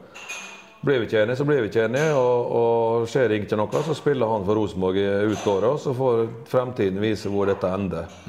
Han, han er en viktig spiller for oss, og så må han prestere. Det er jo det som blir avgjørende. Ja, Om det han spiller eller ikke. virker som noen syns det begynner å bli litt mye prat i media om Det, det, det er jo naturlig, men altså det, det er jo to sider av det. da, ikke? Noen syns det er positivt for å få blest, Ja. andre mener at nå er det nok. Ja. Så, men vi lever jo i på en måte Vi vil jo ha oppmerksomhet, og så vil vi selvfølgelig fremstille oss på en best mulig måte. Og så er jo supporterne sånn at uh, de er veldig påvirkelige, kanskje, i, i, i begge retninger. Så det, Ja. det er bare sånn det er. Og så må vi akseptere at folk er forskjellige. Jeg har ikke noe problem med Ole i hele tatt. Nei, nei, nei. Men jeg snakker jo med han. Ja. Jeg sier jo Det fra var- at uh, dette var kanskje ikke så lurt å si, og så dette må du lære av. Og så får vi håpe at han gjør det, da. Ja. Roar Vikvang presiserte det òg veldig i poden vår, at det er ikke noe isfront, og det er god stemning, og klubben elsker Ole Sæter, Ja, ja. og medspillerne er veldig glad i Ja, ham. det er absolutt riktig. Eh, Skal vi se, Erlend Flå, med tanke på frispillinga bakfra, er det mulig å sette opp laget slik at midtstopperne klarer å passere første angrepsledd, slik at det blir overtall på midten? Så veldig lite av passering forbi første ledd i fjor. Ønsker å se mer av det i år. Ja, altså Vi hadde jo stopperne med i, høyt i sidekorridoren ganske ofte, og det skal de gjøre òg. Så det er klart, vi må- vi må huske på at vi har um, tre stoppere bak ballen når vi bygger opp. Og så da Hvis en av dem blir frispilt, så skal han komme med ballen. Men det er klart det, det, det vil være ganske risikabelt da, hvis du flytter en stopper foran spillet i tillegg, for da har du to bak ballen. Så vi har tre mann bak ballen i utgangspunktet, men det er klart de skal komme opp med ballen og, og tvinge frem overtall, ja. Ja. Og så håper vi at vi skal bli bedre i år. Altså, det er klart, Nå har vi en venstrefota på venstresida i Ulrik. Og så har vi en høyrefota i Reitan og, og, og Sam på andre sida. Klart Sam er bedre på høyre enn på venstre, for det er mer naturlig for han hvis han går innover og vender spillet. Mm. Mens hvis han går innover med venstre, så må han bruke høyrefoten. Mm. Så får du på en måte en feil retning på pasninga di. Så, sånn sett så er vi veldig fornøyd med at vi har fått tak i Ulrik. For det blir mer naturlig å frispille venstre stopperen som tar med seg ballen frem og har riktig, større valgmuligheter ut ifra vinklene som ligger foran altså med en høyrefot enn.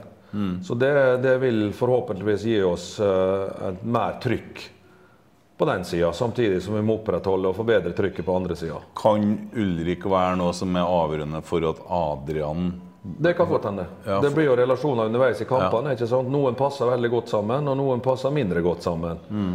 Og så Noen ganger må de to som passer godt, mindre godt sammen, også spille i lag. Mm. For det, det, er bare sånn det er. Eh, I, uh, det er veldig sjelden du, du, spiller med den elveren du trodde du skulle spille med når du starta sesongen. Det vil alltid være én eller to ja. justeringer ja. i der. For Adrian han har jo vist tendenser til å ha en voldsom godfot i angrep. Ja.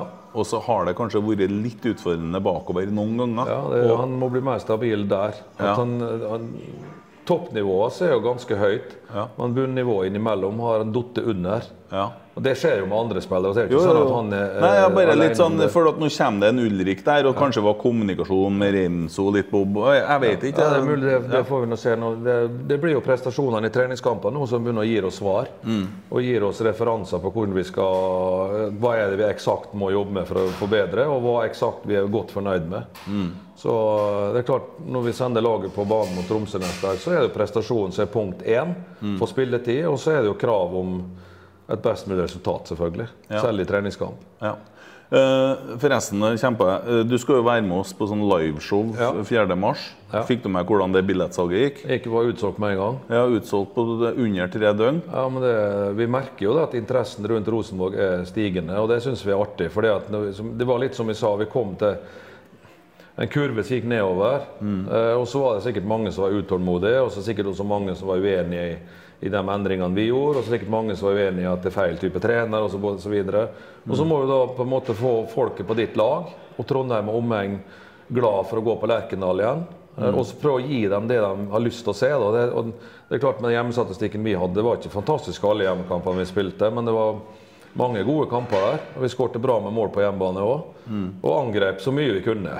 Jo, altså, Ålesund-kampen var ikke en fantastisk kamp, men det var en fantastisk opplevelse ja. når vi går derifra med det eh, resultatet og måten det skjedde på. For det er jo utrolig spennende. Ja, det, ja, og, det, og det, jeg tror det er mange som har misforstått at det, du, det er ikke underholdning for du vinner 4-0 hver gang. Mm. Det, er de, det er de kamper, sånn som Bodø-Glimt-kampen er, det er jo kanskje den mest underholdende kampen. For først så er du på hælene.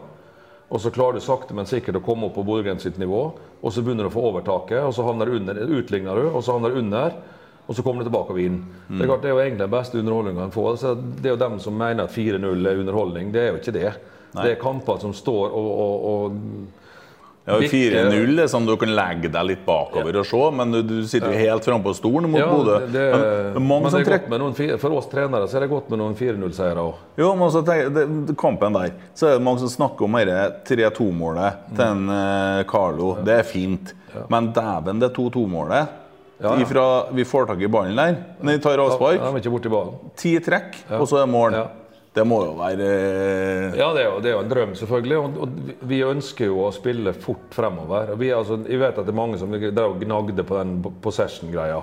Ja. Ikke, altså, possession er fint, det, men helst på motstanderens halvdel. Mm. Vi har ikke ønske om at vi skal drive og spille five-a-side i og rundt vår egen 16-meter.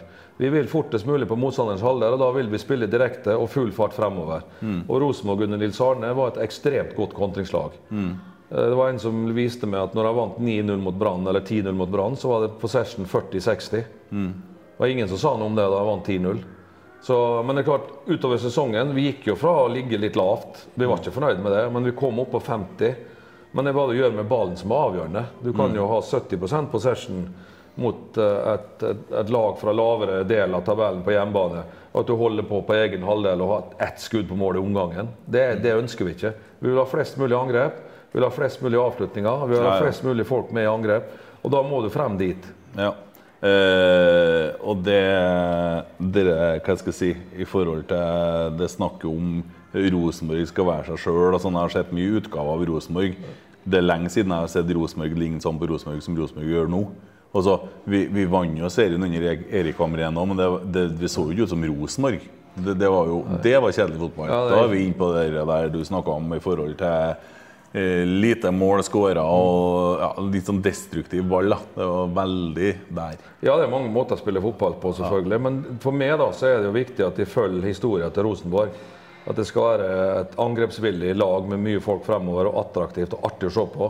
Og så er jo det umulig å levere det hvert eneste minutt. Men det er prinsippet vi etterlever. Og da er, for meg, så jeg, jeg, jeg hadde ikke vært noe problem for meg å spille 4-3-3. Jeg kan det òg, jeg.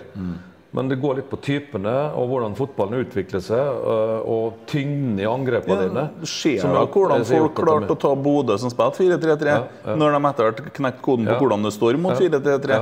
Så ser de helt rådville ut. Ja, de, Molde spilte 3-5-2, vi gjorde det. Og Bodø-Glimt tok ett av tolv poeng i så to kampene her. Eller fire kampene her. Uh, Vålerenga spiller 4-3-3, 0-7. Så, eh, Men igjen, da. Spill motspill. Vi må bli bedre til å, å lese spillet. Og angripe de rommene som vi klarer å skaffe oss. Og da er det jo eh, Når Rosenborg var på sitt beste med Nils Arne, så var det jo nesten alle i ligaen som skulle etterligne og spilte 4-3-3. Og da ble det jo overrumpla, overspilt da. Fordi at kopien var dårligere enn en fasiten. Så da lå det jo her helt til gitt. da, Du ble nesten like god som andre. Da, da, vi må gjøre det på vår måte. Og hadde vi spilt 4-3-3, så hadde det blitt sammenlignet med Bodø-Glimt hele tida. Og da hadde det liksom vært bare sånn, ja, men dem er sånn. Nei, vi, valg, vi valgte å gjøre det på en annen måte. Men grunnprinsipper og, og spillprinsipper og eh, forventningene og historien til klubben, dem etterlever vi fullt ut. Eh, collect NFTN Norway. Her er troll, vet du. Eh, sikkert fra Bodø eller Molde. Har du forberedt deg på presset når målene uteblir utover vårsesongen og media og fansen krever mer? Ref mangler spiss per dato med x antall målpoeng i seg. Jøss. Eh, det gjør vi ikke. Nei, altså det, men fotballen er jo ingen som, det er ingen som vet hvor dette skal gå. Nei, det er ingen som har noe fasit på det. Men uh, vi er veldig trygge på at den, det, den kursen vi har starta, og det vi jobber etter, skal utvikle spillere, utvikle klubben, utvikle, utvikle laget. Mm. Og at vi stadig vekk blir bedre, og at vi tar innpå det forspranget som andre har opparbeidet seg. Mm. Og så får de prate om dette her. Altså, jeg, jeg går ikke og tenker på sånne ting i hele tatt. Det, det, må, jeg tenker på treninga i morgen. Ja. Og, og på en måte dagens trening den kverner litt i huet. Og så er det treninga i morgen som gjelder. Hva sitter du igjen med etter dagens trening? Jeg er veldig fornøyd. Ja. Veldig fornøyd med tight, intens, eh, bra nivå på, på mye. Ikke alt, men på mye. Børge Stiklestad, Oskar Sylte eller Dals? Jeg må nesten eh, Jeg vet ikke om jeg har drukket Dals, jeg. Så jeg kan vel ikke svare på den. Jeg skjønner jo at eh, Men det, ble, det er jo lite Oskar skyldte å få i Trondheim, da, tror jeg. Men at de drikker pærebrus eller ananasbrus innimellom, det, det skal jeg innrømme at de gjør. Men eh, Dals hvilke jeg, har- jeg, jeg har hørt om Det det. Ringnes, da, men du vet hva vi sier om Oskar det- Det er jo flytende aids. Ja, det er riktig. Nei, jeg drikker, jeg drikker jo ikke øl, så da er det vel Da kan jeg ikke svare Nei, det må bli Ringnes, da, vet du, sikkert. Ja, det riktig. Jeg drikker ikke det øl, så det. Du, kan sånn jeg prøver å drikke mindre brus. Jeg er mest på colaen, da, men jeg, det, det er mindre. politisk sett sier vi Pepsi Max, og det Ringnes. Ja. Ja, riktig. Jeg drikker ikke Pepsi Max heller. Jeg gikk forbi en kar her nettopp nå. Eh, Spørsmål er planen at eh, vennen og Tobias skal krige om den sentrale rollen. Jeg har litt om Det det. kan skje, Ja. eh, men de kan spille sammen. Eh, og de kan spille lag. Ja. Altså én sittende og én offensiv. Og så kan det bli begge sittende. Det, hvis du velger å spille 3-4-3 noen ganger, så kan de spille ved siden av hverandre. Eller kan spille uh, Santeri foran uh, Tobias. Ja. Men å begynne, ja, begynne å ta ut lag i dag som er 17.11., det blir helt feil. Men uh, Og bare, bare Nils Arne Eggen som gjorde det. ja, ja, det, gikk han i gamle dager, men det, den tida er forbi. Vi Ja. har en tropp vi skal utvikle, og da må alle, alle komme i, inn i, i frågan, som det kalles. At alle har en sjanse. Ja. Jeg er ganske sikker på at Markus Henriksen spiller fast i elveren neste nei, i løpet av nei, Ja, det kan du si, men eh, han, han må prestere, han òg. Ja, det gjør han. Børre Ap, hvor tror du Brann havner på tabellen? Det er vanskelig å si. Eh, Jeg tror de skal få det mye tøffere enn de fikk i Obos-ligaen. Jeg husker nå sist når Ålesund var suverene Ja. eh, og fikk kjempetrøbbel og gikk rett ned igjen. Så, men det er klart for, for Eliteserien og for norsk fotball så er det jo viktig at Brann gjør det bra. Ja. For det skaper en enorm interesse. Ja. Og så er det jo masse publikum både på Brann stadion og de har på bortebane. Så det er jo den, du ønsker jo at Brann skal være med, men helst bak det, selvfølgelig. ja, ja. Så, men det- eh, de er nyopprykka, da, så de vil sikkert være fornøyd med å havne utafor den akutte nedrykksplassen, tipper jeg. Mm. Men sånn sett så vil nok Brann havne sikkert på midten og kanskje opp litt overfor den. Det har kommet en sånn trolleting til her, men det er mer en sånn påstand. Ja. André Larsen, er sikkert Bodø-Glimt-supporter. Rekas våte drøm er å ta over trenerjobben i Bayern, sier han. Eh, det stemmer jo det. At Ja. jeg hadde det som sånn en, en liten sånn eh, nå, eh, Bayern München er en av klubbene jeg følger med. Ja. For de har eh, som vært gode i 30-40 år. Ja. Hatt noen dupper, men alltid kommet tilbake og vinner og, og har eh, de, Måten de driver klubben på? Altså nå, Ja, de har sluppet inn sånn Opel inn og Allianz inn som eiere på, på klubbsida, da, men han, uh, Oli Hønes bygde jo Bayern opp. for at når han starta som sportssjef i Bayern, så var alle klubbene i Tyskland på samme nivå. Ja. Og så fant han ut noe som andre ikke fant ut før etterpå, med sponsorat.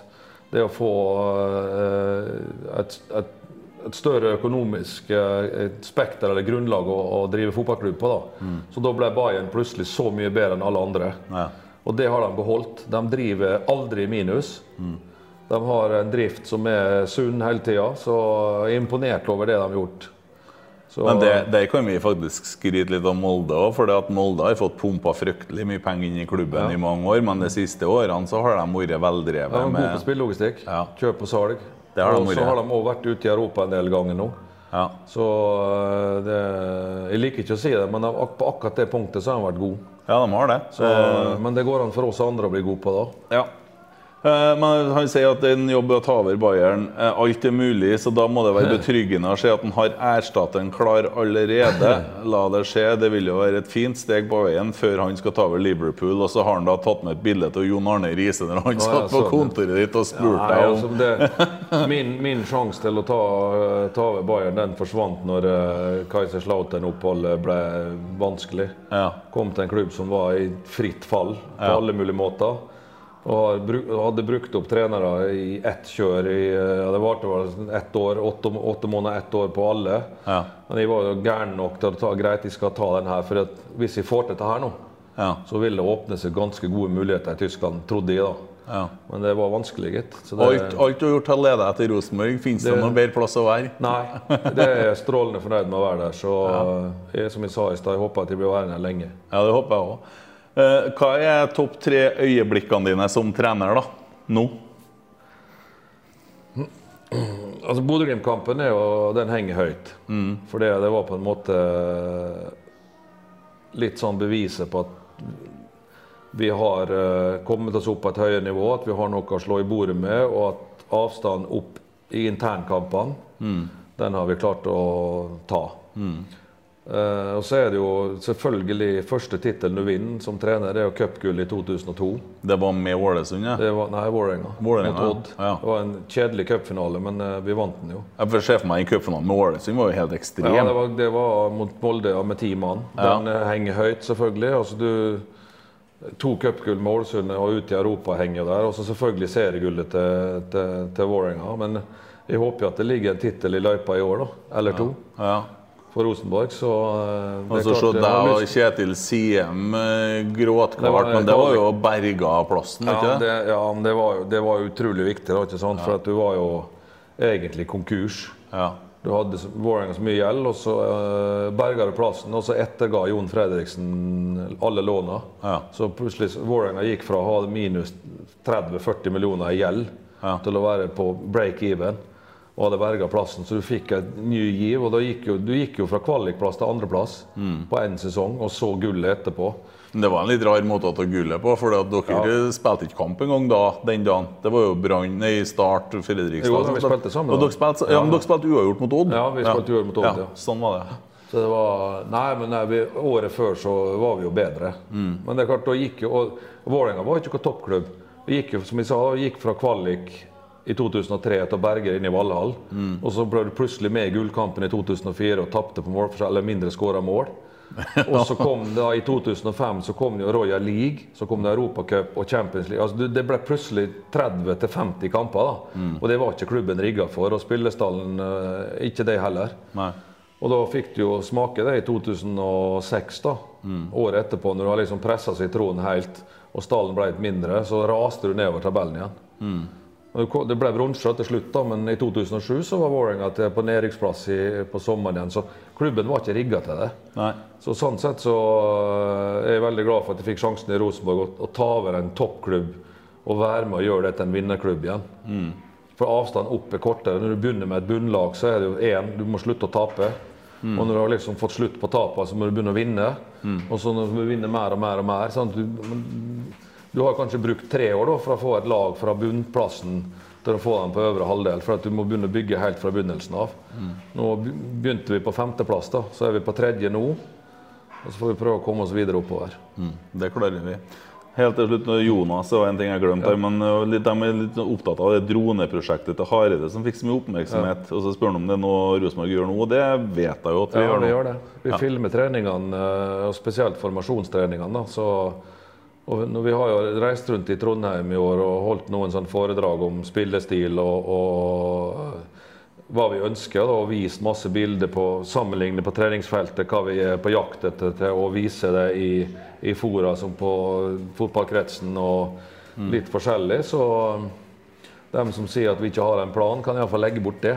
Ja, det, Det, det er ekstremt planlagt, det vi driver på med. Så, men det er ikke alltid like synlig. Det kan vi være med på å, di å diskutere. ja, det er bra. Uh, nei, jeg gleder meg til sesongen i år, det må jeg virkelig si. Og det som vi har sett her, det ser jo ekstremt lovende ut. Og det er jo, det er jo tidlig i januar ennå, eller Ja midten i januar. Ja. Så det her kan bli veldig bra. Ja, det kan det. Da takker jeg for stunden, hyggelig. Kjetil. Ja. Jeg, vi har, jeg vet ikke hvor lenge vi har sittet, men eh, tida går fort. Ja, gjør det. Ja. gjør det. Vi har flere som venter, så vi får pille Du har dem, de sitter og venter på. Er det VG, eller? Jeg tror det er Ja, VG. vi Ja, Slapp av litt. Lett dem, må dem slite selge, litt. selge budskapet godt, vet du. Ja, nei, men det er bra. Da sier vi tusen takk herifra vakre Gran Canaria. Så treffes vi vel på eh, Koteng. Arena neste fredag. da. Det gjør vi. Ja. Ja. Yes.